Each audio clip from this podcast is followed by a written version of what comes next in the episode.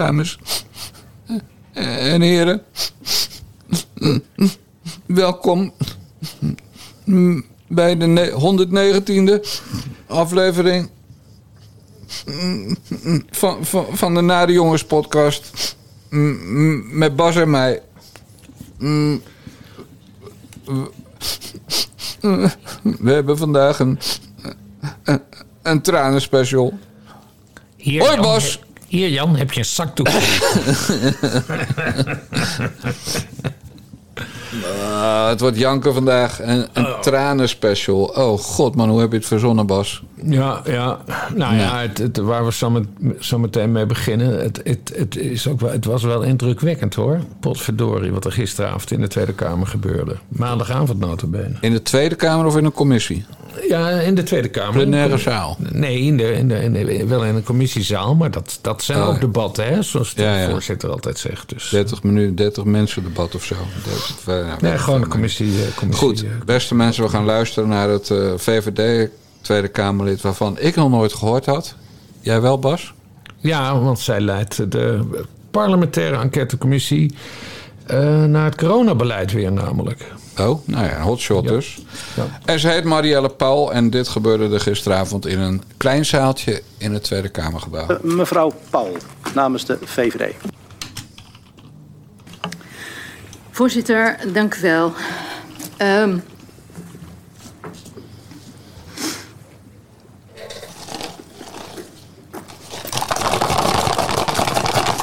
sorry, het laatste onderwerp waar we het over hadden. eh, Begrijp ik.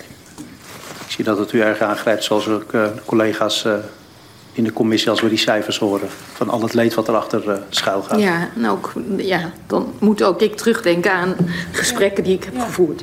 Zeker. Maar goed, daarvoor zitten we hier. Om te proberen toch in al deze ellende dingen zo goed mogelijk te regelen. En daarom eh, wil ik de staatssecretaris bedanken voor haar antwoorden, de collega's voor dit debat.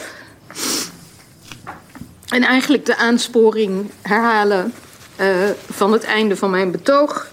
Namelijk om door te pakken om vooral door te pakken eh, met oog voor de juiste balans tussen snelheid, uitvoerbaarheid eh, en rechtsgelijkheid in het belang van al die mensen die wachten op hulp, die wachten op onze hulp, eh, om het gewoon voor hen te regelen, zodat zij eh, ja, wel door kunnen met hun leven. Nou, ja, dat is het pleidooi wat ik eh, wil herhalen. Excuses.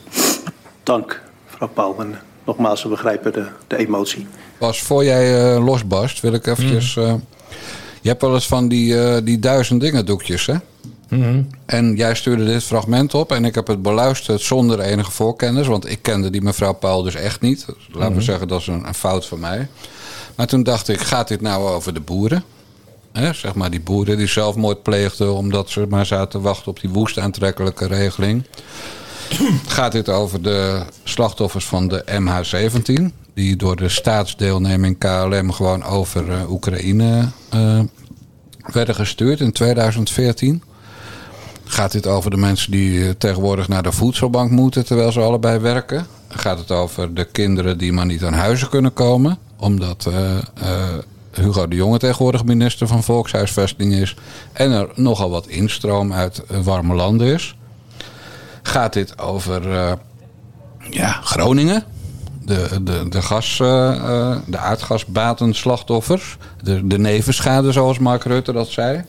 Ja, en, en ik bleef maar doorgaan, Bas. Met, met allemaal mogelijkheden waar het over zou kunnen zijn gegaan. En waar, Nou ja, eh, maar daar heb je wel gelijk in, hè? Want dat zijn echt belachelijk veel redenen om eh, voor burgers om te huilen. En eh, in dit geval hebben we het dan over de toeslagenaffaire. oh, daar ging het over. Ja, of eigenlijk moeten we zeggen toeslagenschandaal. Toeslagen misdaad. eh toeslagen misdaad. Maar nee, maar daar heb je wel gelijk in. Er, is, er zijn veel onderwerpen om, om over te huilen. Eh, wat hier gebeurt, ik zal even kort inleiden wat er, wat, er, wat er eerst gebeurde. Je hebt dus dat debat maandagavond in de, in de Tweede Kamer eh, over de voortgang met de toeslagenaffaire en eh, verantwoordelijk daarvoor voor de afhandeling, hè, dus de toeslagen zelf en de, en de, de fin- financiële aspecten. Dat is staatssecretaris Aukje de Vries van de VVD. En uh, nou, dat is een beetje een technisch debat. Uh, er worden allemaal zaken worden daar besproken. Maar op een gegeven moment zegt zij. Uh, dan gaat het over, over overleden kinderen, hoeveel dat er zijn. en dan zegt Pieter Omzicht opeens, als hij die getallen hoort, typisch Pieter Omzicht, hè, die slaat aan op de cijfers. en die zegt: Ho, ho, wat, wat, wat zegt nou hier precies? En dan, en dan moet zij dat uitleggen. En dan komt het er dus op neer dat uh, er in, de hele, in het hele schandaal, hè, wat nu al jaren speelt, dat er tot nu toe 469 uh, kinderen zijn overleden. Uh, dat is statistisch helemaal niet zo gek. Er overlijden best wel vaak kinderen, met name op, op, op jonge leeftijd en dergelijke. Dat daar gaat het eigenlijk ook niet om. Waar het om gaat, is dat het merendeel van deze kinderen, naar schatting 256, uh, ouder was dan 18 jaar bij overlijden. En dan wordt het statistisch een beetje anders. En, en dat is het, het aparte. Eigenlijk wil niemand het uitspreken in, uh, in de Tweede Kamer. Maar ik heb, ik heb Pieter Omtzigt hier vanmorgen... heb ik hem er nog even over gebeld. Want ik wilde het wel zeker weten. Ik zeg, Pieter, jullie hebben het hier over zelfmoorden, toch? Of niet? Hij zegt met zoveel woorden... ja, we hebben het hier over zelfmoorden. Ja, ja. Of met zoveel woorden, dat bevestigen bij mij. Natuurlijk gaat het over zelfmoorden. Maar in, in, zo'n, in de Tweede Kamer, ik weet niet... daar wordt voorzichtiger over, over gesproken. Maar uh, het was dus een hele indrukwekkend moment... als je het hele film filmpje ook terugkijkt. Het, wat, ik, wat ik vanmorgen heb, heb, gemonteerd. Het, het, het is gewoon heel erg indrukwekkend. En, en het is ook apart hoe Oudje de Vries dat dan ja, in een soort bijzin laat vallen. Nou ja, dan heb je die scherpe omzicht die direct op die cijfers aan, aan, aan, aanslaat. En, en dan die hele Kamer begint het dan door te krijgen van... wacht eens even, dit zijn dus uh, uh, kinderen, ouder dan 18 jaar. Dus je zou ze eigenlijk tweede generatie slachtoffer kunnen noemen. Die, naar alle waarschijnlijkheid, een groot deel van die 256, die hebben gewoon zelfmoord gepleegd. Door ons beleid, of althans het beleid van het kabinet en wat er allemaal is gebeurd. Diverse kabinetten. En, en dat, dat daalt in. Ja. En daarom begint die Marielle Paul. Uh, ze waren allemaal onder de indruk hè, van links tot rechts. Maar die Marielle Paul, die begint dus ook echt, echt uh, te, te, te huilen. Ja, maar... En nou ja, wat vinden wij daar als nare jongens van, is dan de vraag. Nou, laten we eerst even teruggaan naar wat je zegt. Hmm. Dus Pieter Omzicht, zeg maar een van de meest integere Tweede Kamerleden... Hmm. die zich altijd bij de feiten probeert te houden... die zegt gewoon dat er meer dan gemiddeld jongvolwassenen... dus volwassen ja. kinderen... uit uh, het aardbevingsgebied in Groningen zelfmoord hebben gepleegd. Dat zegt hij, hè? Ja, toeslagenaffaire. Uh, toeslagenaffaire, sorry. Oh, uh, kut. opnieuw, ja. ja. Nee, niks opnieuw. Fouten uh, laten wij in de podcast zitten. Dus die zegt dat van de slachtoffers van de toeslagenaffaire... meer dan gemiddeld volwassen, jongvolwassen kinderen zelfmoord hebben gepleegd. Ja. En dat woord zelfmoord wordt niet gebruikt in de Tweede Kamer. Nee. Dus dan is de vraag, heeft een zijn dit CBS-cijfers? Of, uh, want dan heb je wel de doodsoorzaak. Maar de belangrijkste vraag is natuurlijk, belangrijkste kwestie, dit maakt het allemaal nog veel erger. Ja, ja, nee, kijk, die cijfers, dat was de, discussie ook. En daar zegt, daar zegt Aukje de Vries dan ook over. Uh, en dat zegt ze wel terecht van. Uh, hè, want die Kamerleden vragen dan uh, van: oké, maar hoe zit het dan precies? En, en hoe zit het met die cijfers? En zij zegt dan, wat op zich wel verstandig is... nou, weet je wat, dit is, dit is, ik, ga, ik ga u ook niet met de verkeerde cijfers vermoeien. Ik kom hierop terug. Ik, ik laat u dit schriftelijk uh, ja. Uh, weten. Maar goed, ondertussen... ja, ze laten het wel in de bijzin vallen. Hè? Dus ze dachten het wel er even tussendoor te kunnen wurmen... Ja. op een bepaalde manier. Hebben ze ook handelingen bij dat soort vergaderingen? Ja, maar die, die, worden, die komen altijd later uit, geloof ja. Dat, ja, oké, okay, maar het wordt wel vast... De plenaire zalen is op de dag zelf. Ja. En uh, commissiezalen, die, die, die komen altijd... Nee, maar dan was het dus wel vastgelegd voor het nageslacht. En had ze, had ze in 2028 bij de volgende, de volgende parlementaire enquête... Hadden ze, had ze kunnen zeggen, het heb ik in 2023... Ja op, uh, om precies te zijn, 12 juni in dat en dat debat gezegd. Ja, om zo laat heb ik dat gezegd. Zoek me op, ja, precies. Ja. En meneer Azarkan was voorzitter. Ja. Toch? Als ik het goed gehoord heb aan zijn, uh, zo'n zoet gevoelige stemgeluid van die teringleier die mij geblokt heeft op Twitter. Daarover gesproken, dat, dat veel geprezen CDA-Kamerlid van vorige week, en dat was wel, ging wel over aardgas, die mevrouw uit Drenthe. Ja. Tilo, nee, niet Tilo. Nou ja, die mevrouw die de eerste dag leek alsof het CDA opeens eh, ging draaien, weet je wel. En, eh, en het kabinet dingen ging verwijten. En die de volgende dag toch maar weer ervoor koos om Rutte te laten zitten. Die mevrouw, die heeft mij ook geblokt, preventief. Oh? Ik had er nooit van gehoord, maar die heeft me ook geblokt. Maar goed, dat terzijde. Ja. Jij vroeg wat vinden de nare jongens ervan. Nou, ik kan jou vertellen dat ik het krokodillentranen vind van mevrouw Paul. En van die andere zeg ik niks. Maar mevrouw Paul is dus fractiegenoot van meneer... Ik zoek het even op, Bas, want de feiten moeten kloppen. Meneer Ruud Verkuilen. En Ruud Verkuilen is dus VVD-Kamerlid... die op 12 mei 2022... dus toen er waarschijnlijk van die 259 zelfmoorden... of eh, doden boven de 18, had je het net over... toen er daarvan een aantal waarschijnlijk nog leefde. En wat deed meneer Verkuilen toen? Die had zijn medespeech in de Tweede Kamer... bij een debat over uithuisplaatsingen van kinderen van toeslagenouders. Ja. En dit was de nasleep van, dat, eh, van die medespeech. Ik had al zo'n vermoeden aangezien het eh, eh, vak links van ons met VVD als volstroomde dat we te maken hebben met een medespeech eh, vandaag. Nou ben ik goed opgevoed, netjes opgevoed, dus zal ik zeker de heer Verkuilen feliciteren met zijn medespeech.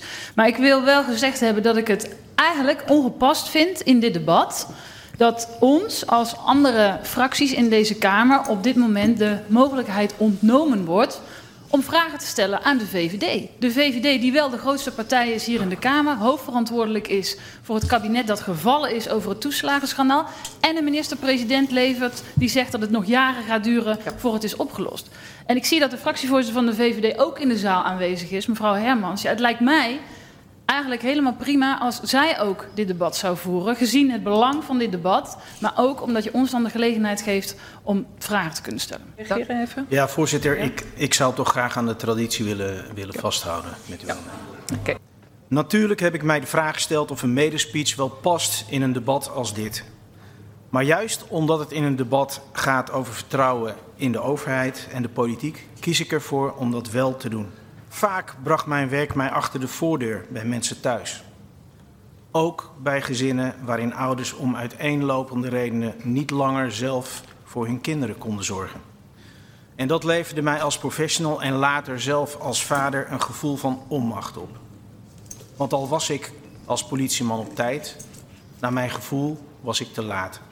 Ja, voorzitter, punt van orde. Um, ik heb het fatsoen gehad om naar uh, de heer Verkuilen te luisteren en hem ook te feliciteren met zijn medespeech. Maar ik constateer wel dat het vak van de VVD vol is, maar dat de publieke tribune, waar de ouders zaten die vandaag hier kwamen om op zoek waren naar een oplossing, die een oplossing van ons wilden horen, dat die tribune nu leeg is. Dus ik vraag me toch wel af of de heer Verkuilen nou echt denkt dat hij heeft bijgedragen aan het herstel van vertrouwen met dit optreden vandaag. Ik uh, schaam me echt hartstikke dood, nu even. Echt serieus, wat hier uh, gebeurt. En ik wil ook mijn excuses aanbieden aan de ouders die uh, betrokken zijn bij dit hele affaire. Um, we staan er niet vrij op uh, vandaag. Ja, Bas Paternotte. En later, in tweede instantie, kwam Verkuilen nog een keer terug. Want toen had hij opeens door dat dit honds gedrag was van de VVD richting Ja, de toeslagenouders. Achteraf, altijd achteraf. Precies. Dus, en toen mochten andere Kamerleden me alsnog vragen stellen. Maar dat was, en dat gebeurt wel vaker in de Tweede Kamer... dit was een opzetje van de VVD... om te zorgen dat er geen vragen gesteld konden worden... aan de Ja. VVD-fractie, de grootste fractie in het kabinet. Dus als deze partij nu over die toeslagenouders... Yankee Boe gaat lopen doen, zoals jij dat altijd noemt... ja, dat vind ik eigenlijk gewoon onsmakelijk. Dat vindt Ja. deze nare jongen ervan. Nou, en nu die in Utrecht. Ja, ja, het, eh, het, is, het is een beetje dubbel hè, met die mevrouw, mevrouw Paul. Eh, eh, want ze zegt zelf ook wel dat ze dit wist. Hè? Want ze zegt, ja, en ik heb ook ouders gesproken. Dus de problematiek is, is bekend. Hè? Dat er dus volwassen kinderen zelfmoord plegen... betrokken bij de toeslagenaffaire. Of kinderen van toeslagenouders. Eh, maar dat ze dan alsnog zo geraakt wordt in het, nou wat zal het zijn, het 200ste debat over Ja. deze kwestie. Ja, nou ja, doet ze, het dan, doet ze het dan voor de bühne? Nou, weet je niet. Het is, het is, het is maandagavond. Het was, al, het was al na achten, misschien al na negenen... dat dit, eh, dat dit specifieke stuk plaatsvond. Eh, ze doet het ook, ja, dus dan is ze er door overvallen. Nou ja, als jij woordvoerder bent op dit, dit onderwerp, dan is het natuurlijk wel raar dat je er zo door overvallen bent. Ja, En dan weet je dit gewoon. Helemaal omdat, omdat je ook nog eens van de VVD bent, de belangrijkste partij. En het is jouw staatssecretaris die dit specifieke onderdeel moet, eh, moet afhandelen. Nou ja, het enige, enige excuus denkbaar is, hè, omdat ze dus in de commissie, ze is voorzitter van de, van de commissie die de eh, parlementaire enquêtecommissie voorbereidt naar het coronavirus. Dus het kan zijn dat ze het, eh, dat ze daar dat ze te druk heeft en dat ze het heeft gemist. Maar ja, dan staat, sta je er nog niet goed op. Dan sta je er nog niet goed op. Het enige positief is dus dat we het wel allemaal kunnen, kunnen, kunnen terugzien. En dat, er- dat er is toch nog een soort van menselijkheid in die Tweede Kamer. Want je ziet, je ziet gewoon het hele zaaltje zwaar in mineur gaan. Als ze beseffen van, Jezus, dit gaat dus over ja, jonge mensen die zelfmoord hebben, hebben gepleegd. vanwege het toeslagenschandaal. Dus Ja. een echte tweede generatie, hè? dus niet de ouders, nee, de kinderen hebben we het hier over.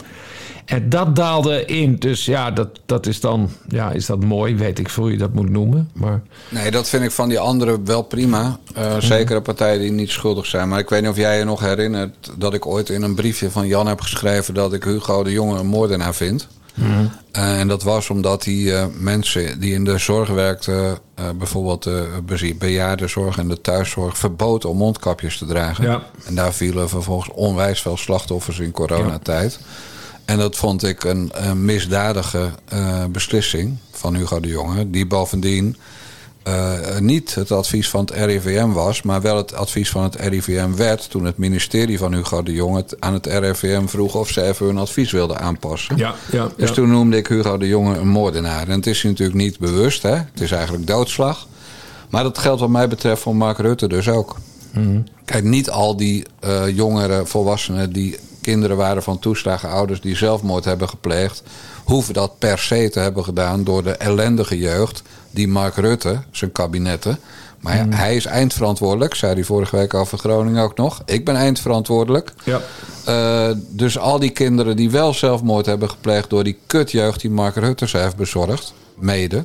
Ja, daar is, hang- staat wat mij betreft de handtekening van Mark Rutte onder. En dan vind ik hem dus ook een moordenaar, waarbij ik dan bedoel dat hij verantwoordelijk is voor doodslag. ja. Door zijn schandalige gedrag. Dus ik, ik, ik heb weinig compassie met mevrouw Paul. eh, en uitsluitend compassie met de toeslagenouders en hun kinderen. ja, precies. Ja. We zijn het eens. Ja, Nou. ja, ja, droevig hè. Het was heel, ik vond het heel indrukwekkende toestand. Dat gebeurt niet vaak in de Tweede Kamer. Dat er zulke indrukwekkende momenten Ja, plaatsvinden. maar je trapt er ook in. Want je vond Paul ook aandoenlijk. En dan geloof Ja, ik dus nee, gewoon... niet zozeer Paul. Het gaat mij meer om die hele zaal. Dat die hele, dat die hele zaal het langzaam doorkrijgt. Van kut, dit, dit gaat over honderden, honderden jonge mensen. Ja. Maar wat we dus zien, is dat Aukje de Vries van de VVD... Friese Deerne, hè? Hmm. dat hij er net zo'n puinhoop van maakt...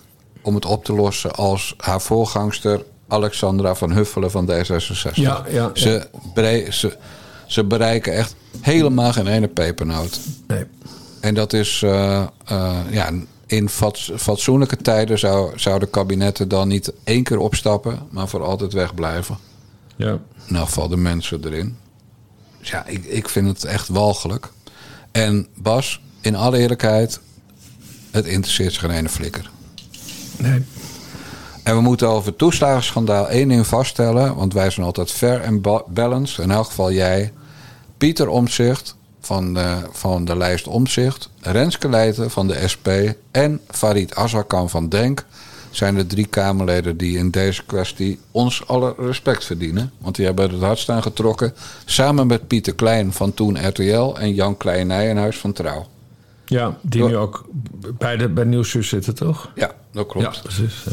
Nee, dus eh, eh, wat zijn we, in elk geval ik, wat, wat ben ik in een genereuze bui met allemaal complimenten. Ja, Maar die mevrouw Paul, die kan wat mij betreft hetzelfde doen als alle schuldigen aan eh, de hele toeslagenaffaire en de gebrekkige oplossing in de nasleep. De tyfus genieten. ja. Er is geen enkele partij in deze Kamer die vindt dat mensen die geen recht hebben op asiel niet moeten worden teruggestuurd. De vraag is wat voor deals je maakt met landen. En daar staan we niet aan dezelfde kant. Laissez-passés worden amper afgegeven. Uh, mensen worden dus amper teruggestuurd. En de realiteit is dat niemand met deze deal is geholpen. De mensen in Ter Apel zijn zeker niet onder de indruk. Zij merken namelijk niets van de deal met Marokko. En de overlastgevende Marokkanen worden niet van straat geplukt en teruggestuurd. De rifijnen in Nederland die zich zorgen maken om de politieke gevangenen... die inmiddels jaren onschuldig achter slot en grendel zitten... Het heeft er alle schijn van dat de premier en deze staatssecretaris de rechten van politieke gevangenen heeft weggegeven om het imago van de VVD als stoere migratiepartij op te poetsen. Maar onder de streep verandert er niets. Tot slot, voorzitter. Wat is de boodschap die premier Rutte gaat brengen als hij op bezoek gaat in, in Marokko? De staatssecretaris. Gaat de premier naar Marokko? Mevrouw Piri zegt dat hij dat zelf heeft aangegeven. Oké, okay. uh, ik heb uh, geen idee dat de premier naar Marokko gaat. En wat hij daar gaat zeggen, uh, weet ik dus ook niet. Dus dat zou mevrouw Piri moeten vragen aan de premier. Nou, Bas, dit is een naneukertje van een paar podcasts geleden. Want toen hebben we dit fragment ook afgespeeld. Ja. Toen hebben we, hebben we Van de Burg heel hard zitten uitlachen. Want zo zijn we nare jongens. Ja. Maar inmiddels is bekend hoe het zat. Uh, ja, wat, wat, was de kwestie? Even terug naar het begin. Twee weken geleden uh, zei Mark Rutte, terwijl hij een uh, pers, wekelijkse persconferentie hield op vrijdag, dat hij naar Marokko zou afreizen. Hè, allemaal in het kader van de asielcrisis waar het land voor, voor staat. Vervolgens heeft mevrouw Piri van de PvdA, die we net hoorden, heeft Rutte toen bevraagd, in de, of heeft Van de Burg toen bevraagd. In, de, in de Kamer tijdens het vragenuur. Nou, van de Burg wist van niks. En toen verscheen maandag een persbericht. Uh, Mark Rutte, uh, minister-president Rutte, bezoekt Namibië, Zuid-Afrika en Marokko. En nu weten we dus waar dat Marokko-verhaal vandaan komt. Rutte die wist natuurlijk dat hij inderdaad naar Marokko zou vertrekken. Dat heeft hij toen tijdens die persconferentie gemeld, omdat het ging over die Marokko-deal, dat die ja. mislukt zou zijn. En hij zei: Nee hoor, want ik ga zelf naar Marokko. Maar wat staat er in dat persbericht? Hij gaat helemaal niet naar Marokko voor dat, uh, voor, voor dat asielgebeuren. Uh, dat is gewoon een, uh, een, een, een, zakelijke missie, want hij gaat met VNO-NCW, de werkgevers. TNO en met enkele andere bedrijven gaat hij dus naar die drie landen om te praten over zaken doen. Ja. de bevordering van handel en investeringen. Dus dat heeft helemaal geen zak te maken met die met die asieltoestand. Maar dit is dus hoe slim Rutte het speelt. En dat is tegelijkertijd de verklaring waar Erik, waarom Erik van den Burg van niks wist. Want Rutte heeft niet gelogen, want hij ging inderdaad naar Marokko. Dat wist hij toen al, toen hij dat tegen de pers zei. Maar hij zei dus niet dat hij voor het asiel naar Marokko ging. Precies, hij zei niet dat hij voor de asieltoestand naar Marokko zou gaan. Hij zegt nou eigenlijk dat ze vroegen naar de asielkwestie. En dat hij toen heeft geantwoord, onder andere: Ik ga binnenkort naar Marokko. Ja. Waarbij hij dus suggestie wekte dat het was voor de asielkwestie. Exact. Ja, dan bedonde je de boel, toch? Ja, nou ja, het is, dat is dus het knappe van Rutte. Het is, het is, het is niet dat hij heeft gelogen, want hij gaat naar Marokko.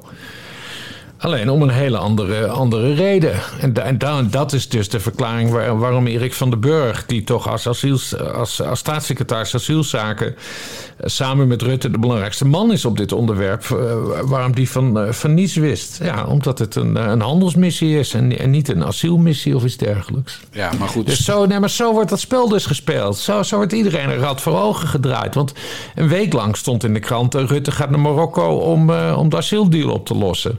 Nee, Rutte gaat helemaal niet naar Marokko om de asieldeal op te lossen. Nee, Bas, Hij maar... gaat op handelsmissie met VNO, NCW, TNO en enkele andere bedrijven. Maar dit gaat toch heel ver. Laat ik even, even een hypothetische kwestie. Hè? Stel, jij wordt opgepakt mm. door de politie. Bas, Bastiaan Paschier, bent u uh, Bastiaan Paschier Paternotte? Nou, jij woont daar samen met, met, uh, met je lieftallige Monique. Mm. En verder geen kinderen, geen inwonende uh, illegale. Hè? Gewoon Bas en en Monique wonen daar. Dus de politie belt aan, s ochtends 6 uur. Tring, tring, tring, tring. Jij, vroeger had je dan gezegd, godverdomme. Het is midden in de nacht. En nu zeg je, goedemorgen heren. Ja. Nou, je doet de deur dus open. Je zegt, goedemorgen heren. En uh, nou, wat is er nou? Nou, meneer Paternotte, wilt u, kunt u uh, zich melden op het bureau. En als u niet vrijwillig kunt komen over een uurtje na het hardlopen... dan komen we u wel halen. En dan zeg jij, nou, waar gaat het over? Dan zeg ik, nou, vernieling van een hekje in de vestiging van Albert Heijn uh, op die en die plaats in Utrecht, mm. op die en die datum. Mm. Camerabeelden, je weet hoe het gaat. En dan zit jij daar dus op het bureau een uur later, want jij snapt, ja, hier is geen ontkomen meer aan. Hè? En dan zeg je tegen die eh, agent, eh, die begint, meneer Paternotte, klopt het dat u toen en toen het hekje heeft vernield en daarbij bijna een Marokkaanse medewerker van de Albert Heijn helemaal de tyfus heeft geschopt en nou weet ik, bla bla bla bla. En dan zeg jij, diendags. Wij laten de boodschappen door Albert Heijn altijd thuis bezorgen. Dan, dan heeft dat helemaal niks te maken met wat je toen met dat hekje hebt geflikt. Eh, maar je hebt wel de naam Albert Heijn genoemd in je antwoord. Ja. Maar dan neem dus de pers, toen met Rutte in die persconferentie... van ik ga binnenkort naar Marokko, neemt daar dan genoegen mee? En zouden de politie dan bij jou er genoegen mee nemen... dat als het gaat over de vernielingen die jij hebt aangebracht in Albert Heijn vestigingen... die bij wijze van spreken een week moest sluiten om voor de herstelwerkzaamheden... Ja. als jij dan als reactie alleen maar zegt... ja, maar Albert Heijn komt altijd bij mij thuis... Ja. Ja, dan heb je niet gelogen. Want Nee, volgens mij komt Albert Heijn binnenkort bij jou thuis. Zeer binnenkort bij jou thuis. Ja, nee, ze komen altijd op dinsdag hier bezorgen. Ja. Nee, maar eh, het is een heel omslachtig voorbeeld. Maar dit is wel, dit is precies wat er is. Het is precies wat er is Ja. gebeurd. Ik bedoel, Mark Rutte heeft niet gelogen. Hij Laat zegt, de nee, analogieën ik, maar Ik ermee ga binnenkort naar Marokko. Ja. En dat hij dat, kijk, hij zegt dat in de context van die vragen over, over de asielcrisis en de problemen met de Marokko-deal. Maar zelf heeft hij dat verband niet gelegd. Hij zegt, nee hoor, jullie hadden het toch over Marokko? Ja, dan ga ik toevallig binnenkort naartoe, joh. Dat is, eh, ja, ja, ja. Dan, dan zegt zo'n zo'n zo'n toeslagenouder... Die, die dan wel toegang heeft tot Mark Rutte... omdat ze lid is van een werkgroep... mijn eh, zoon heeft zelfmoord gepleegd. En dan zegt eh, Mark Rutte... mijn broer is ook gestopt met ademen. Ja. Nou ja, het zijn allemaal. Dat, Dat is ook schandalig wat ik nu zeg. Dat is een nog bizarder voorbeeld, maar dat is, dat is gewoon hoe Mark Rutte het spel speelt. Maar dat pik je toch niet? En, nee, maar daarom is het zaak om. Je moet gewoon alles wat die man zegt, moet je gewoon opletten. Want hij heeft niet gelogen. Hij gaat naar Marokko. Alleen voor een hele andere reden. En dat is de reden waarom Erik van den Burg met zijn mond vol tanden stond in het, eh, in het vragenuur. Ja. En Dat gaat is ook nog heel oncollegiaal, hè? Nou, het is notabene een partijgenoot van hem. Dat, dat, hij, dat hij Erik van den Burg voor lul eh, laat staan eh, op de nationale televisie. Heel kwalijk. Ik, ik denk dat, dat die Rutte eens weg moet. Maar Ja, nee, maar echt, hè, want dit, dit gebeurt dus dan. eh, hij zei dus tijdens de wekelijkse persconferentie. En hij moet dat daar eh on the spot eh, bedacht hebben. Want hij wist dat hij naar Marokko ging. Maar hij heeft heel snel moeten bedenken: ik moet iets zeggen. om deze, deze journalisten een beetje rustig te krijgen. En toen heeft hij gewoon bedacht: oké, ik ga naar Marokko. Dus waarom dan kan ik dat gewoon nu zeggen? Ik ga, ik ga binnenkort naar Marokko. de man is echt een psychopaat. Nee, maar dit is toch niet normaal? Nee. Dit is abnormaal. Dit is gewoon crazy. Ja. Ja. Is En dat, al... en dat er dan. oh, zo, Ik, nou ja, ik vond het heel treffend dat dat, dat persbericht. Dat kreeg ik dan gistermiddag. En dan krijg je dat persbericht. En dan, en dan valt het kwartje van ja, hij heeft, hij heeft niet gelogen. En dit is de reden waarom Erik van den Burg met zijn bek vol tanden stond. Ja, het is. Het is ja, het is van een doortraptheid. En, en al, alleen maar ter meerdere eer en glorie van zichzelf, hè? Want, want hij naait het hele kabinet erbij. Ja, maar het hele kabinet vindt dat prima. De Tweede Kamer vindt dat prima. De pers, behalve Merel Eck, vindt dat prima. Iedereen Ja. vindt het maar prima. Bas Paternotte... Daar, daar hadden we het deze zondag eh, over. Die was dus afge- afgelopen week heeft zij, eh, afgelopen vrijdag, heeft zij de, de premier wel doorgezaagd. Eh, Maar goed, Bas, de mensen die te beroerd zijn om zich bij petjeaf.com eh slash naar de jongens te melden als abonnee, die gaan we dit nu toch niet alsnog vertellen? Nee, Hou eens is op, waar. laat ze Dat doodvallen. Ja, ja. Ja, duizenden Hadden mensen die petje, mo- hadden ze maar een petje moeten kopen, hadden Ja, ze de precies. geweldige Merel Eck kunnen horen. Ja, en sterker nog, als ze het nu doen, kunnen ze alsnog alles terugluisteren wat we ooit achter de betaalmuur hebben gemaakt. Ja, dat is waar. Je kan altijd nog een, petje afnemen. En ook voor je familie, vergeet dat niet. Nee, dan heb je Ja. nog 90 afleveringen die achter de betaalmuur zijn gemaakt. Tot de goed van de Basje en Jan Moskee en van Bellen met Bassie. Nou, Ja, en dat kost dan 4 euro per maand of 40 euro per jaar. Geweldig. En je steunt Bas Paternotte zijn aankopen bij Albert Heijn. Want als ze bezorgen, is het duurder dan wanneer hij er naartoe moet. Maar ja, als hij er naartoe moet, dan slaat hij Marokkaanse jongens kapot. Ach, ach, ach. Het was een hekje en het is meer dan een jaar geleden gebeurd inmiddels. En je hebt nog steeds geen excuses aangeboden. Toch? Nee, oké. Goed, hebben we nog meer onderwerpen? Ja, Jan? over Marokkaanse jongens gesproken. Lekker hè, dat Zandvoort. Oh, je hebt het nieuws weer gemist. Nee, dat zegt me helemaal niks. Nou, het staat niet in het draaiboek en dan weet hij het weer niet. Nee, nou goed, het op maandag, hè? Is er iets gebeurd in Zandvoort? Nou, dat was toevallig niet op maandag, maar op zaterdag en zondag. Oh. Zandvoort was mooi weer en dan komen er altijd toeristen. Maar naast de toeristen kwamen er ook heel veel jongeren met een problematische opvoeding uit Haarlem en Amsterdam naar het strand. Nou, en het is één grote tyfusbende geworden met brommetjes, met bedreigingen, met messen, met, eh, eh, met plunderingen in de supermarkt. Nou, dat gedoe allemaal. En de media berichten er vandaag over. Ook raar vandaag pas. En berichten die zijn, nou ja, het is de overlastgevende jongeren in Zandvoort. Kijk je op Twitter. En dan zie je bijvoorbeeld Mary Lane. Door Marokkaanse mannen, ja. Ik was afgelopen zondag in Zandvoort en ik wist gewoon niet wat ik zag. Marokko aan de Noordzee. Bij de beachclub, op de boulevard, op straat met tientallen scooters. Ongekend.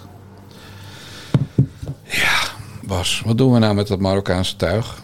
Kunnen ze niet allemaal in de Albert Heijn kapot schoppen? Maar ze, ze trekken dan van Amsterdam en Haarlem naar, Naar Zandvoort. Zandvoort. En dan gaan ze gewoon de boel lopen terroriseren daar. Echt, waarom, waarom kan dat gewoon nooit een keer normaal? Je kan toch gewoon daar op het strand gaan zitten? Waarom moet het dan gelijk weer een toestand worden? Ja. Nou ja, Pim Dijkgraaf zat in de, in de trein naar Zandvoort. Die is er ook geweest. Maar op een Mhm. ander stukje Zandvoort, gelukkig. En die zit dan, die moest ik even ophalen op het station gisteren. En dan zit hij dus trots te vertellen dat hij weer ruzie heeft gemaakt met zo'n teringleidje in de trein. Oké. En daarna kwamen zijn vrienden langs, zegt hij dan. Ja, dan zit je allemaal niet er stoer op, Pim, met je 34 jaar. Maar dat kan je tegenwoordig best eh, beter maar niet meer doen in Nederland. Als je in de trein zit, het, eh, dat ventje dat gaf me een grote smoel, daar hield hij niet van. Hij kan het fantastisch nadoen, maar goed. eh, eh, gewoon levensgevaarlijk. En, en die, boel, die, die teringleiders die terroriseren de boel. Kijk, het zijn dus, even terug nog naar de kinderen van de toeslagenouders... zijn dus altijd de verkeerde die gaan. Ja. Ik word er zo spuugziek van. Kijk, Maar die. Bob die geeft dus dan die lui... Ja, Pim, ik, Pim. Pim, die geeft die lui dus een, een, Grote mond terug. Ja. Ja, ik, ik, ik heb, ik heb, toen, ik, toen, ik jonger, toen ik jonger was... toen heb ik dat natuurlijk ook wel eens gedaan... maar ik zou dat nu echt niet meer doen, hoor. Voordat je weet steken ze je neer of zo. Ja, nee, dat zei hij ook nog. Ja, maar dat ventje was veel kleiner dan ik. Hij schijnt ook later nog zijn excuses te hebben aangeboden, dat ventje. Ik zei, ja, Pim, het kan wel een klein ventje zijn, maar hij, kan, hij was wel groot genoeg om een mes te dragen, weet je wel. Sander Ja. Schimmelpenning is ook klein. Nou, die, heeft dan, die heeft dan gelukkig alleen zijn, eh, zijn pen als mes en zijn, en zijn, zijn smoel.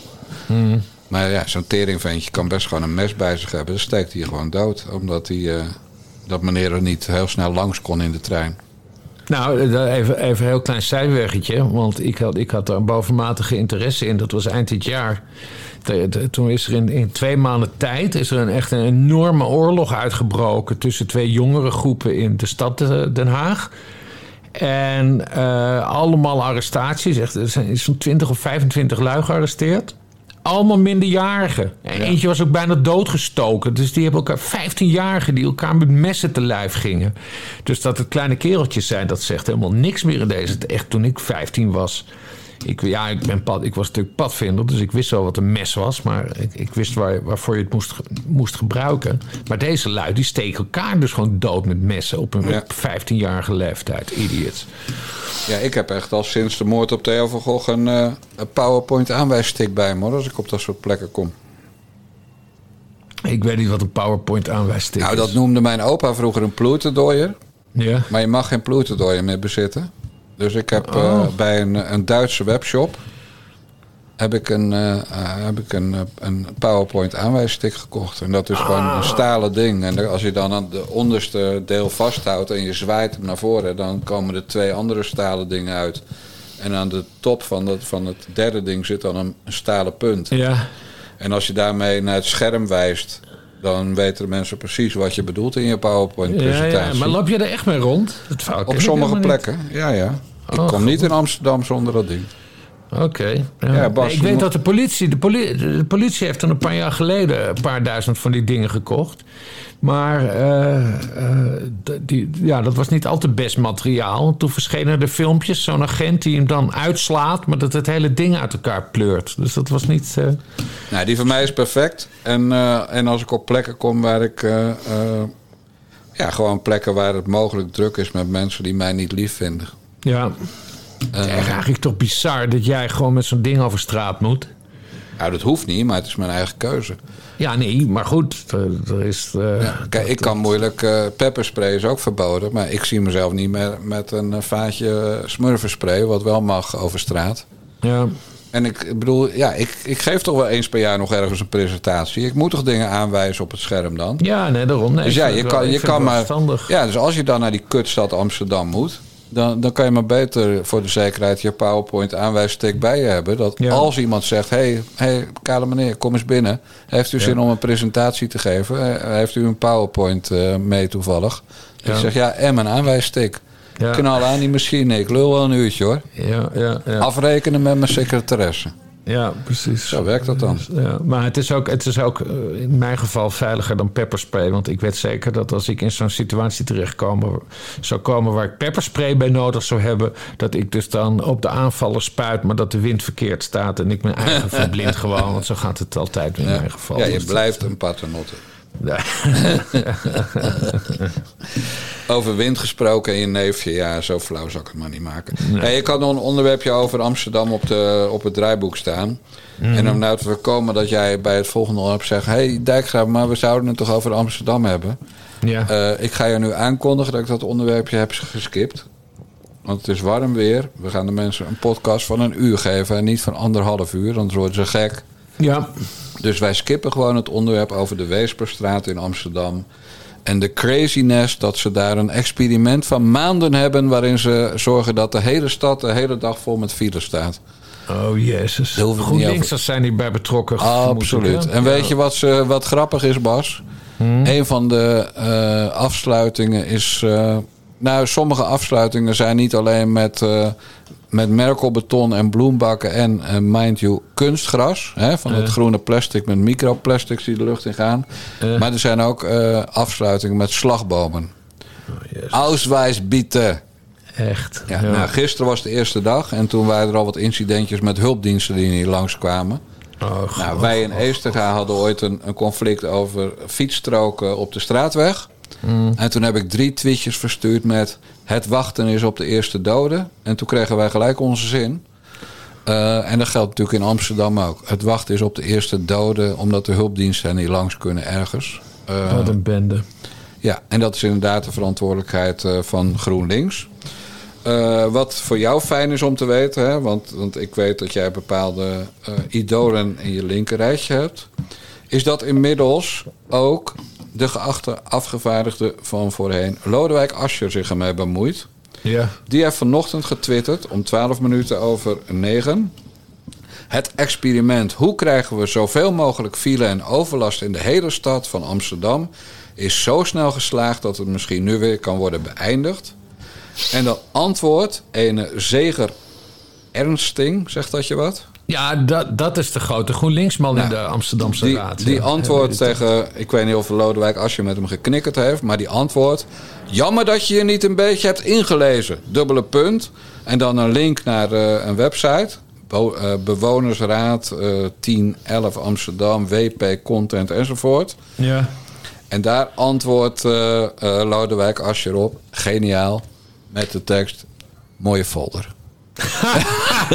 Go- ja, le- oh man, ik ben Lodewijk Asscher. Ik vind dat zo'n heerlijke baas is dat. Eh, Ik noem dat altijd Lolota. Als hij dingen in de kamer zei en dan live tweeten, dan eh, hashtag zet ik er altijd bij Lolo Time. Ja. En hij is, hij is zo scherp en, eh, en geestig en, en vriendelijk. En het is zo jammer dat de PvdA hem uit de politiek heeft eh, gedwongen. Eh, oh, trouwens, daar begonnen we mee, hè? Toeslagenverre, daar moest, eh, moest Asscher weg. Van de PvdA, ja. ja, precies. En, maar eh, als je toch een betrouwbare politicus zoekt... en iemand die, als die dan zou zeggen van... nou, geef mij de kans, want ik wil dit oplossen... dan is wel Lodewijk Asscher iemand die ik daarop vertrouw, hoor. Het is echt zonde dat eh, dat hij is weggedreven door de Partij van de Arbeid. Zit je nou op je bureau te slaan terwijl je dit zegt of niet? Eh, ja, ja, Ja. ja. gewoon lichte woede heb ik dan. Oh ja, nee, oké, dan weet ik dat. Nee, maar, maar goed, kijk, Amsterdam, want wat is natuurlijk de reden dat ze dit willen? Buurtbewoners zouden hebben geklaagd over overlast van eh, op het milieu, klimaat, eh, de luchtwegen van auto's en zo. Ja. Ik vind het prima als Amsterdam zou zeggen, joh, alles binnen de ring autovrij, hè? En alleen maar elektrische autootjes, bestelbusjes en verder metro, tram, whatever. Zou ik echt helemaal prima vinden. Maar doe dat dan gewoon. Ga niet, eh, ga niet eerst zorgen dat mensen in gevaar komen. Dat Ja. mensen urenlang in file staan. Eh 35 minuten doen over een stukje waar, van 1 kilometer... omdat ze helemaal om de stad heen moeten. Weet ik veel wat allemaal. Zeg gewoon, Amsterdam wordt autovrij. Het zou niet de eerste stad in de wereld zijn... waar amper auto's mogen komen. Ja. Doe dat dan gewoon. En maar zorg dan in ieder geval dat de ambulances nog door kunnen En, de rijden, ja, en, dan, Ja. en voor mensen die, eh, die zelfs niet naar de metro komen kunnen lopen, doe je elektrisch eh, aange- aangedreven taxis. Het is allemaal niet zo ingewikkeld. Nee. Maar ga niet eerst de mensen de hele tijd lopen pesten. En dat Nee. is namelijk wat is. En breng geen levens in gevaar, want dat doen ze namelijk. Ja. En als ze dan toch bezig zijn met Amsterdam anders te maken. Door, door geen auto's met een motortje, gewone motor meer toe te staan in die stad. Bouw gelijk, of, of graaf gewoon, gewoon gelijk een hele diepe gracht om die stad. Een, een gracht zeg maar van 200 meter breed. En dan zonder bruggen. En zonder Ja. bo- dat er ook geen bootjes op mogen. Nee. Eh, en, dan- en dan eh, gewoon één eh, ondergrondse transportlijn. Dat ze wat te eten en te drinken hebben in die kutstad. Ja.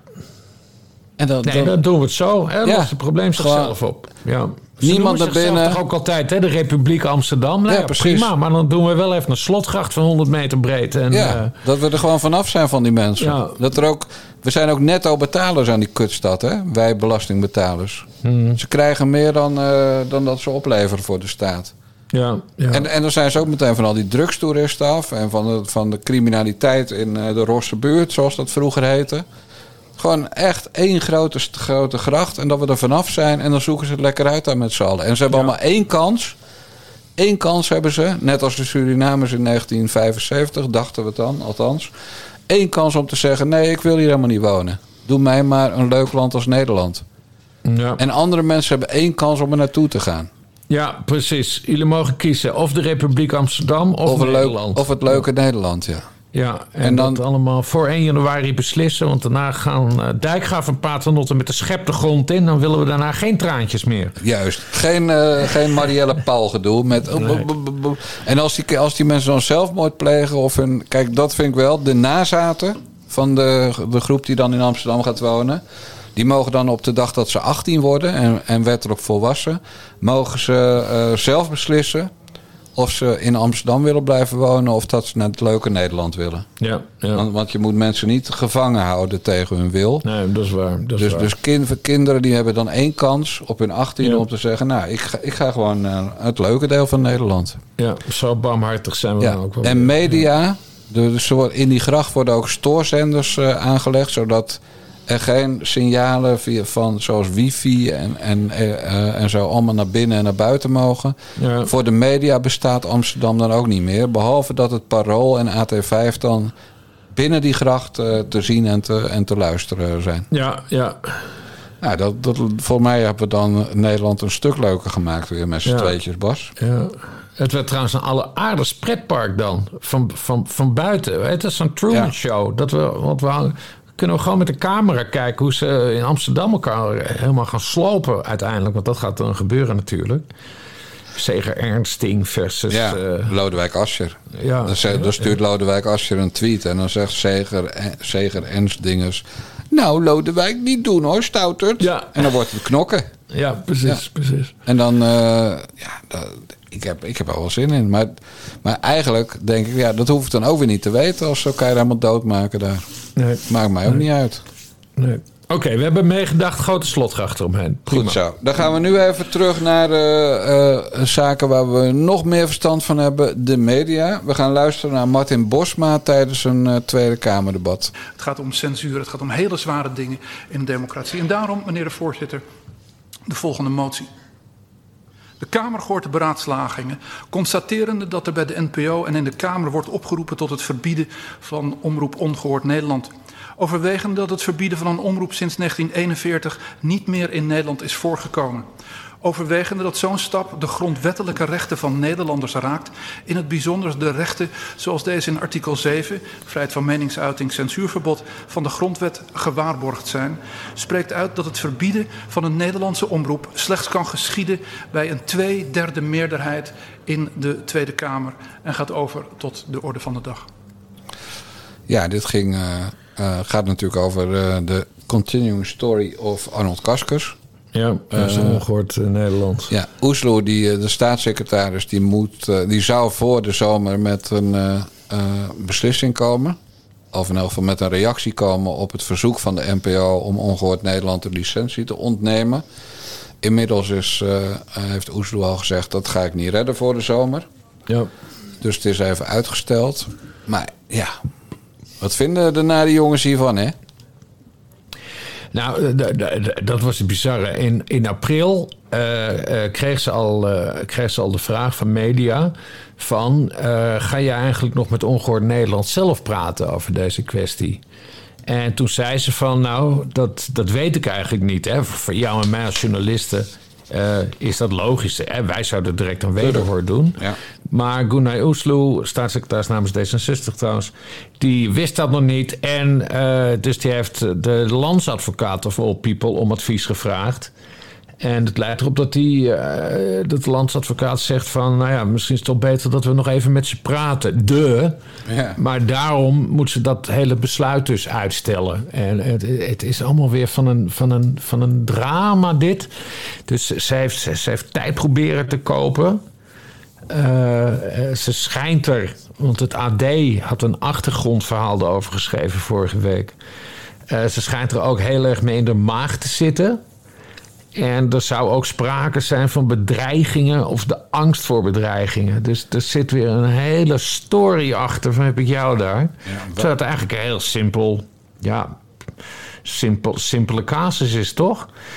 Uh, moet ongehoord Nederland blijven? De ja, de nee. En, en moet je misschien niet even met ze praten voordat je zo'n besluit neemt? En dan oordeel erover vellen. Ik vind het eigenlijk allemaal niet zo ingewikkeld. Maar ja, het is allemaal heel erg. Uh, voor die uh, heren en dames in Den Haag, die maken het werk volgens mij onnodig ingewikkeld. Ja, ik ben principieel van mening dat ze gewoon lekker die vijf jaar moeten laten uitzingen. En dat ze het bestel moeten respecteren. En een bestel is nou helemaal voor dit soort kneuzen ruimte. Mm -hmm. Net als voor de kneuzen van Omroep Zwart.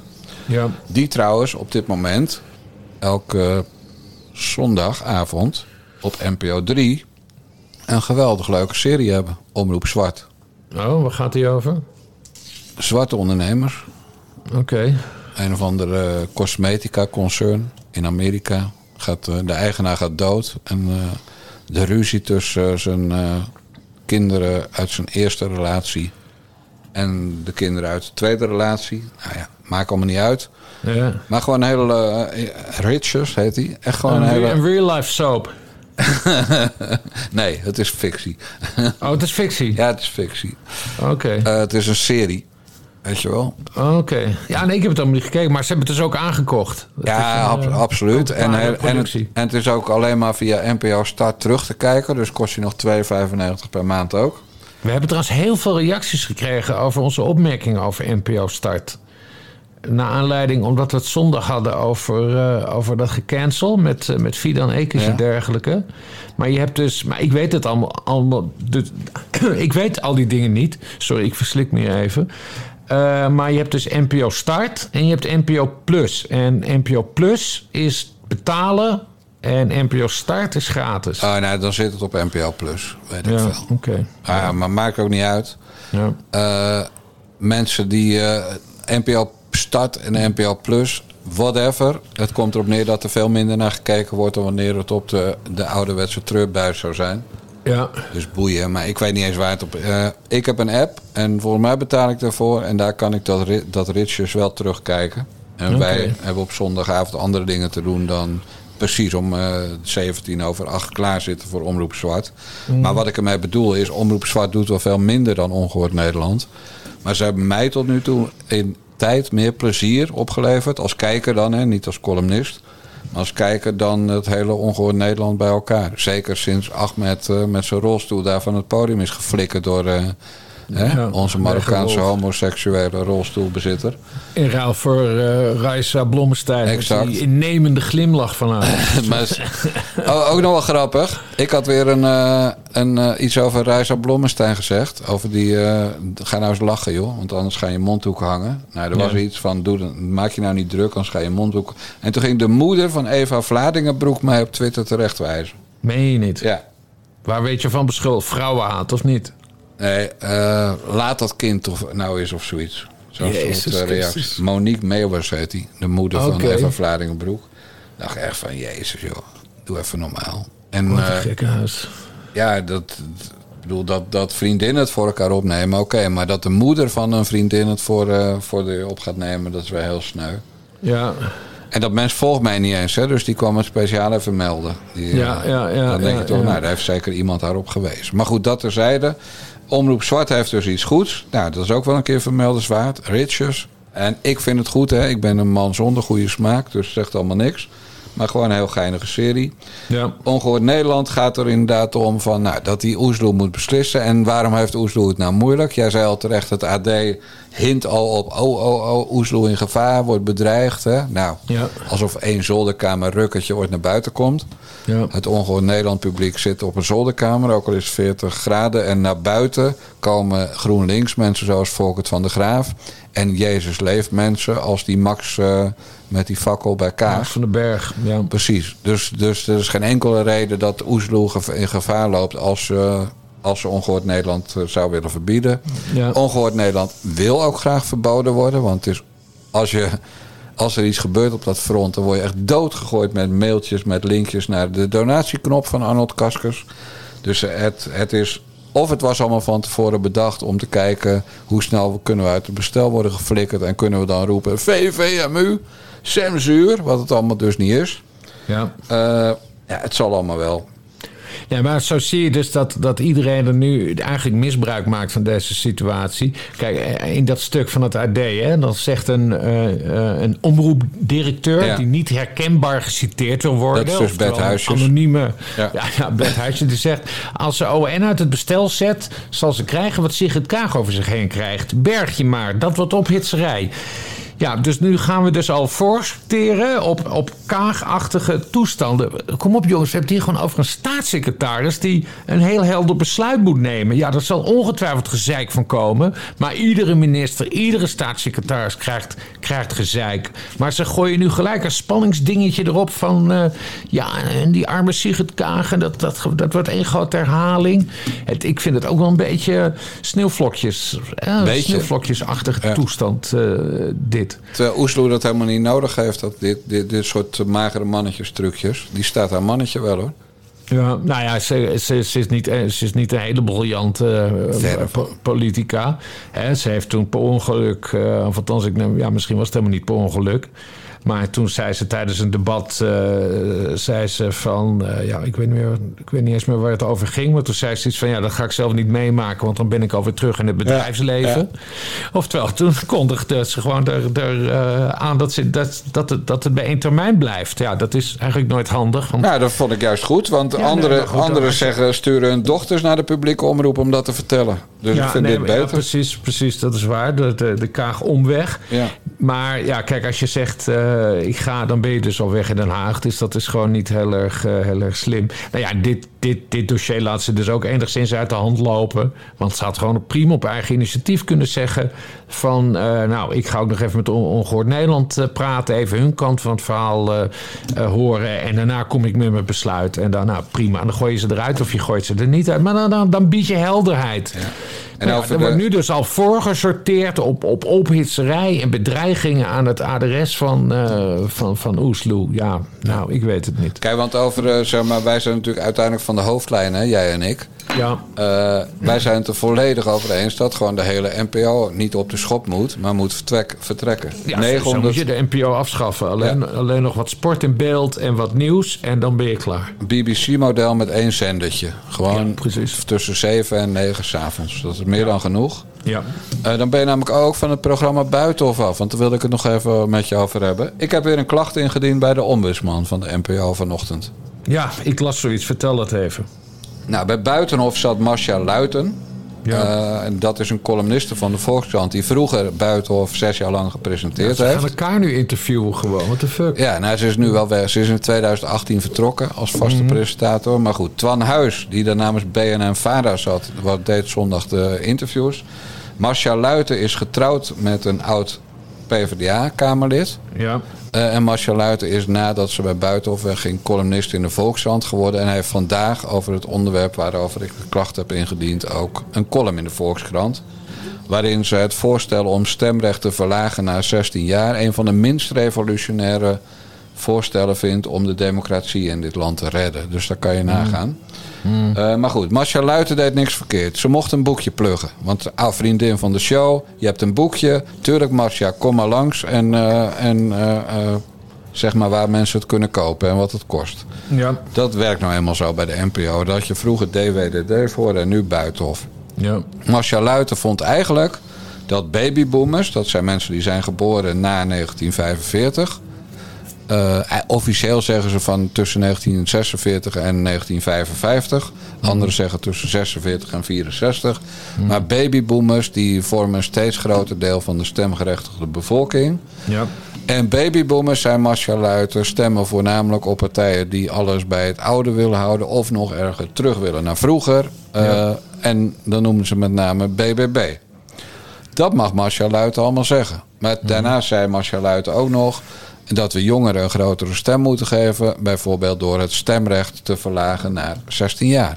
Mhm. Nou, ik ken natuurlijk door de affaire Natasha Gibbs dat hele, uh, dat hele, uh, die hele regeling van de journalistieke code van de NPO bijna uit mijn hoofd. Ja. En één zinnetje wat erin staat is dat er een duidelijk onderscheid moet zijn bij de presentator van, van journalistieke programma's bij de NPO tussen feiten en mening. Mhm. En wat zei Twannetje Huis toen Marcia Luiter zei. En ik, ben, ik vind dat het stemrecht naar 16 jaar moet gaan. Toen zei Twan Huis, ik citeer nu letterlijk. Goed idee. ja, ja, ja. En dat is. Dan zegt hij dus dat is een goed idee. Ja. En dan zegt hij niet. Dat vind ik een goed idee. Ja. En het is namelijk, volgens hersenwetenschappers, een heel slecht idee. Maar sterker nog, het is ook volgens jongeren zelf een heel slecht idee.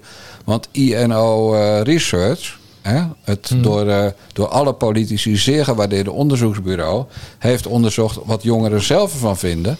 En jongeren van 16 tot 17 jaar hebben helemaal geen enkele behoefte om überhaupt te gaan stemmen. Nee. 44% van de jongeren van die leeftijd zou eventueel gaan stemmen als ze mochten meedoen aan verkiezingen. Kortom, het boeit de jongeren van 16 en 17 geen ene flikker. Die jongeren worden op school helemaal geïndoctrineerd met het GroenLinks, VVD, D66 uh, gedachtegoed over bijvoorbeeld klimaat. Hè? De aarde gaat vergaan. Uh, dus die worden allemaal richting GroenLinks, Volt, D66 geduwd op school. Die hebben een onvolgroeide hersenen en die zouden dan mogen gaan stemmen. En dan ja. zegt Twan Huis van de Nederlandse publieke omroep dat is een goed idee. Ja, ja. Nee, al die kijkers, die kijkers van buitenhof op het verkeerde been zetten. Want die hebben iets van, ja, maar als Twan zijn zegen eraan geeft, dan zal het wel kloppen. Ja. Maar er blijken dus hele onderzoeken te zijn waar het niet klopt. Waardoor die gewoon zeggen, moeten we niet doen. En, en, en ik ken het argument van de voorstanders ook wel. België heeft het gedaan, Duitsland heeft het gedaan. En dan gaan ze acht landen binnen de EU opnoemen die het ook gedaan hebben. Mm. En Nieuw-Zeeland heeft het gedaan, maar dat boeit helemaal niet. Nee. Dat boeit helemaal niet dat andere landen het ook doen. Het gaat, je, je, dat ontslaat je niet van de verplichting om zelf je gezonde verstand te gebruiken. Ja. Dus ik, je weet dat ik, dat ik er van de details ben. Als hij had gezegd, dat vind ik een goed idee, akkoord, mag hij vinden. In, ja. in onze dienst, hè, als, als ambtenaar bij de Nederlandse publieke omroep. Ja. Maar als hij zegt dat is een goed idee en dat heeft hij gedaan, ja, dan stuurt Jan een briefje naar de nationale NPO-ombudsman Dus Ja. de NPO-ombudsman Margot Smit, die die Wat nog een kent. vrouw is, ja. Een vrouw, ja, nou, dat is prima. Eh, maar dat is een goeie, want die heeft bij de vorige klacht van mij tegen Natasha Gibbs, toen er ruim 800 klachten binnenkwamen, waarvan een groot deel kopietjes van mijn klacht, Ja. heeft ze eh, ons, mij, wel volledig in het gelijk gesteld. Ja. En waarom? Omdat de klacht extreem goed omschreven was. En niet breed getrokken met eh, dit is indoctrinatie. En nee, gewoon feitelijk. Dit staat Ja. in, de, in de journalistieke code. Dit heeft hij gedaan. Nou, dat klopt niet. Tik hem even op de vingers, mevrouw Smit. En toen had eh, Jan Dijkgraaf de NPO op de knieën weten te dwingen. Juist. En, En dat, dat, gaan we nu herhalen met Twan Huis. dat Ja. lijkt mij wel, Bas. Kijk, het is, het is een he- heel klein beetje Yankeeboel van jouw kant. hè, 100%. om Allemaal even bij het thema te blijven. 100 Eh, tegelijkertijd zit ik me te bedenken. Ja, kijk, je schept ze scheppen zelf een precedent hè? Met, met hun journalistieke code en dergelijke. Ja. Ja. dan moet je niet raar opkijken. Dat er dan af en toe een wijsneus is die zijn vinger opsteekt en zegt van... zullen we dan ook eens even consequent gaan kijken naar die journalistieke code... en hoe jullie dat, eh, dat aanpakken. Nee, ik vind, dat, ik vind het eigenlijk wel een sterke... Het is gewoon zoveelste bewijs dat die, dat die hele NPO sowieso moet worden afgeschaft. Nou ja, want, want de NPO eh, baseert het, eh, het, het verzoek aan Oesloe om ongehoord Nederland eruit te flikkeren. Ook Ja. op journalistieke codes en afspraken. Terwijl ik gewoon denk. Laat die gekkies. Er kijken 200.000 mensen. Er kijken nog, nog minder mensen naar ongehoord nieuws dan naar Nadia. Ja, Laat ja. ze lekker in hun bubbeltje. Laat ze lekker alleen maar vriendjes van de show uitnodigen. Ja. Dat doen namelijk al die andere omroepen ook. Ja, maar daarom precies. En dat Twan Huis zoiets zegt. Kijk, eh, het, het zal mij jeuken inderdaad. Maar je kan dan niet de hele tijd roepen dat de journalistieke codes zo belangrijk zijn. Exact. En dan de ene omroep eh, buiten schot laten en de ander niet. Nee, goed, goed Nee, dit is gewoon, gewoon keihard eh, strijd voor de principes. Terwijl jullie allemaal nog op je nest lagen vanochtend, dacht ik... nee, ik heb, ik heb tien andere onderwerpen die beter zijn... Hè, die meer kliks opleveren. Want, want eh, Dijkgraaf doet alles voor de kliks, hoor ik wel eens. Ja. Maar ik ga voor de principes vandaag. Ik neem het op. inhoud. Verge- Vergis je niet. Ook de inhoud. Principes en inhoud. Ja, ik, ik, Ja. had echt zo'n bui, Bas, weet je wel. Ja, supermooi. Ja. Ja. Nee, wordt vervolgd. Ik ben heel benieuwd. Leuk, leuk. Heb je hem ook geknipt en geplakt? Nog niet, hoorde ik al. Eh, nee, en dan, moet ik, eh, ja, en dan moet ik ook weer een, eh, een postzegel... Nee, nee, nee, nee, ik nee. ben heel reactionair en ik wil terug naar oude tijden. Dus dat Er gaat is, geen met pen post, en papier. er is geen postadres bij de, nationale, bij de NPO-ombudsman. Nee, is dat zo? Is Ja. dat alleen maar mail? Contact at ombudsmanomroep of omroepombudsman.nl. Oké, nou, dan, ga ik daar een klacht in dienen. Dat, dat ik het belachelijk vind dat ze geen postbus hebben. Ja, nee, maar ook als je doorklikt op sites, er is eh, geen, geen eh, postadres van eh, de ombudsman, NPO-ombudsman te vinden. Ja. Ook wel grappig. En mevrouw, ik was ook, ik heb ook eerst zelf mijn briefje gestuurd met de klacht voor ik eh, mijn briefje van Jan online zette, waarin de tekst staat. Ik dacht, ik wil wel weer de eerste zijn. Ja, Dus voor zeven was de klacht daar binnen. Ja, en ik wacht weer vol vertrouwen op de uitkomst. ja, ja mooi. Maar dit is juist goed om echt zo'n over, over twee woordjes gewoon zo'n klacht in te dienen. Ja. Want ja, dat is, staat nou helemaal in de code. Er wordt een duidelijk onderscheid gemaakt, herkenbaar voor de kijkers en de luisteraars, tussen feiten en mening. Nou, Ja, en het is ook wel leuk om die Twan, Twan Huis, ja, die wordt toch heel serieus genomen sinds die eh, de geweldige scoop had met de dochters van Kaag. Ja. Ja, om toch weer even terug in zijn, terug in zijn hok te trappen met Ja. eh, vriend. Nee, heel eh, goed. we houden je in de gaten, vriend. Heel goed. Jan Dijkgraaf houdt, eh, houdt de mensen scherp. Dat bedoel ik. Ja. Beste mensen, er was hem weer. Aflevering oh, oh, oh, 119 van, van, van de Nare Jongens podcast van Niva Radio. Wil je ook de Bellen met Bassie podcast en de Ecumenische Kerkdienst uit de Bassie en Jan Moskee ontvangen? Abonneer je dan vooral via petjeaf.com slash Jongens. En ik zeg tot volgende week en tegen een collega en vriend Bas Paternotte zeg ik de mazzel. Doei, doei.